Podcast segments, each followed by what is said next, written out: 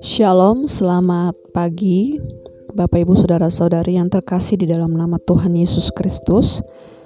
Puji nama Tuhan, kita mengucap syukur kepada Tuhan pada pagi hari ini. Tuhan telah menolong kita, telah menjaga kita Sehingga sepanjang malam Tuhan telah melindungi kita dalam peristirahatan. Sehingga pagi ini kita kembali bangun dengan tubuh yang sehat, dengan kekuatan yang baru, dengan penyertaan baru dan kita imani bahwa sepanjang hari ini kita juga akan menikmati berkat Tuhan yang baru tentunya. Nah, Bapak Ibu Saudara, sebelum kita beraktivitas sepanjang hari ini, mari kita akan terlebih dahulu untuk mendengarkan renungan dan mari kita bersatu di dalam doa. Bapa di dalam surga, kami mengucap syukur atas kasih dan rahmat-Mu dalam kehidupan kami. Sungguh kami melihat bagaimana Allah terus bekerja dalam kehidupan kami, menolong kami, menuntun kami sehingga kami ada sampai saat ini. Itu semua karena anugerah dan pertolongan-Mu ya Tuhan. Saat ini ya Tuhan, sebelum kami beraktivitas, kami rindu untuk mendengarkan sebagian dari firman-Mu Tuhan, kiranya Engkau Allah yang berbicara kepada kami, menolong kami Tuhan, sehingga firman-Mu ini kembali menguatkan kami, dan terlebih kami menjadi pelaku akan kebenaran firman-Mu ya Tuhan. Berfirmanlah ya Tuhan, kami siap mendengarkan, di dalam nama Tuhan Yesus kami berdoa dan mengucap syukur haleluya. Amin. Bapak Ibu Saudara saat ini kita tiba di dalam kitab satu Raja-Raja pasalnya yang ke-9. Kitab 1 Raja-Raja pasalnya yang ke-9 ini dijudulkan Tuhan menampakkan diri kepada Salomo untuk kedua kalinya dari ayat pertama sampai ayatnya yang ke-28. Sebelumnya di pasal yang satu Raja-Raja pasal 3 ini menjelaskan untuk pertama kalinya Tuhan menampakkan diri di Gibeon melalui mimpi pada waktu malam dengan berfirman kepada Salomo, Mintalah apa yang hendak kuberikan kepadamu. Dan akhirnya Salomo meminta hikmat dari Tuhan pada saat itu. Dan di pasal yang kesembilan ini, kembali Tuhan menampakkan diri kepada Salomo untuk yang kedua kalinya. Salomo telah membuat bait Allah yang megah dan hal inilah Tuhan menampakkan diri berisi peringatan bahwa segala yang ia telah lakukan dalam hidupnya itu merupakan Allah dalam kendalinya Tuhan. Ketika Salomo tetap dalam mengikuti aturan atau mengikuti kehendak Tuhan, maka ia akan mendapatkan yang lebih dari yang telah ia perbuat. Nah, Bapak Ibu Saudara, mari kita lihat di ayatnya yang keempat sampai ayatnya yang kelima. Demikian firman Tuhan mengenai engkau jika engkau hidup di hadapanku sama seperti Daud ayahmu dengan tulus hati dan dengan benar dan berbuat sesuai dengan segala yang kuperintahkan kepadamu dan jika engkau tetap mengikuti segala ketetapan dan peraturanku maka aku akan meneguhkan tahta kerajaanmu atas Israel untuk selama-lamanya seperti yang telah kujanjikan kepada Daud ayahmu dengan berkata, keturunanmu takkan terputus dari tahta kerajaan Israel. Ini merupakan janji dan aturan dari Tuhan kepada Salomo jika ia hidup sesuai dengan kebenaran Tuhan. Ini merupakan berkat yang Salomo terima dari Allah sendiri jika ia mau melakukan yang sesuai dengan kehendak Tuhan.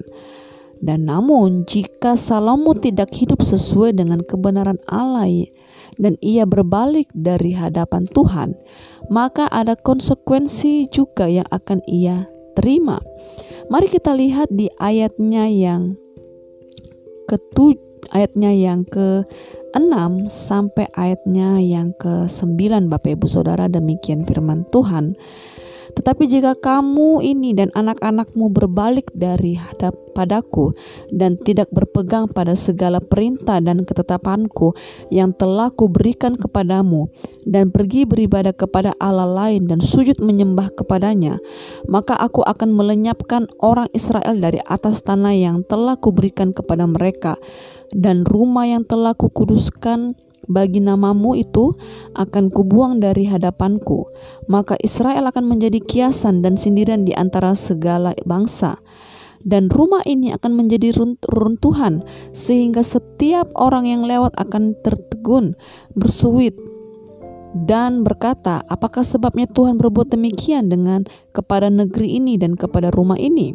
Maka orang akan berkata, "Sebab mereka meninggalkan Tuhan, Allah mereka yang membawa nenek moyang mereka keluar dari tanah Mesir dan sebab mereka berpegang pada Allah lain dan sujud menyembah kepadanya dan beribadah kepadanya itulah sebabnya Tuhan mendatangkan segala malapetaka ini ke atas mereka Nah Bapak Ibu ini merupakan peringatan peringatan dan ada hukumannya Bapak Ibu Saudara dalam pasal ini ada inti dari renungan yang telah kita lihat dan telah kita baca, yaitu ada berkat di balik kesetiaan kita kepada Tuhan, dan ada dampak buruk jika kita tidak setia untuk tetap percaya kepada Tuhan.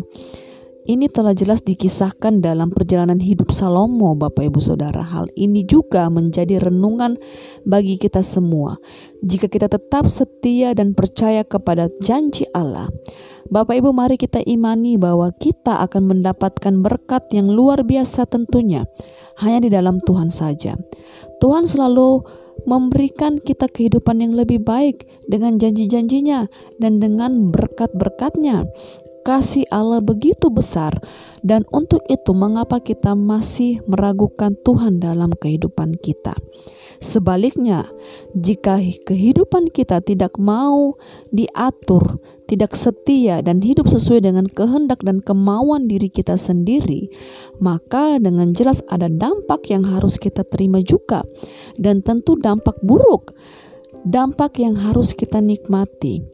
Dan tentunya itu tidak berbicara mengenai berkat, bahkan e, tidak kita mendapatkan kehidupan yang kekal bersama dengan Tuhan.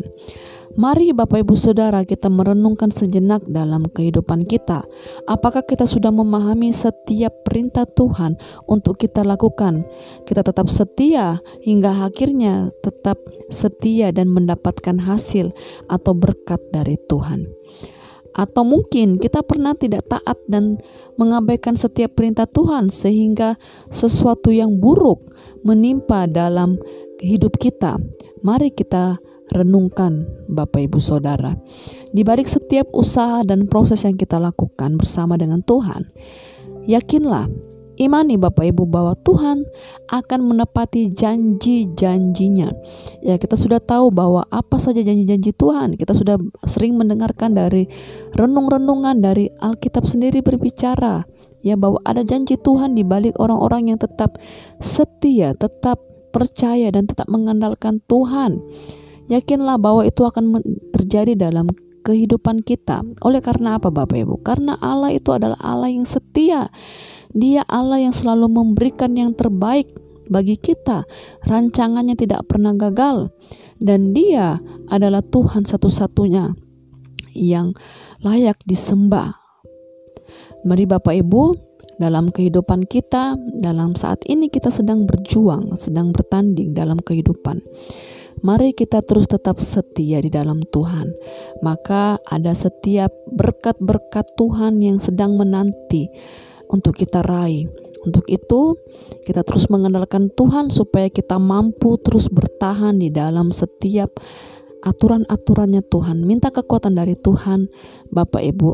Ya, contohnya kekuatan yang kita dapatkan itu yaitu kita membangun hubungan kita dengan Tuhan, membangun persekutuan ibadah dengan Tuhan lewat doa, lewat pujian, lewat ibadah kita, lewat membaca renungan.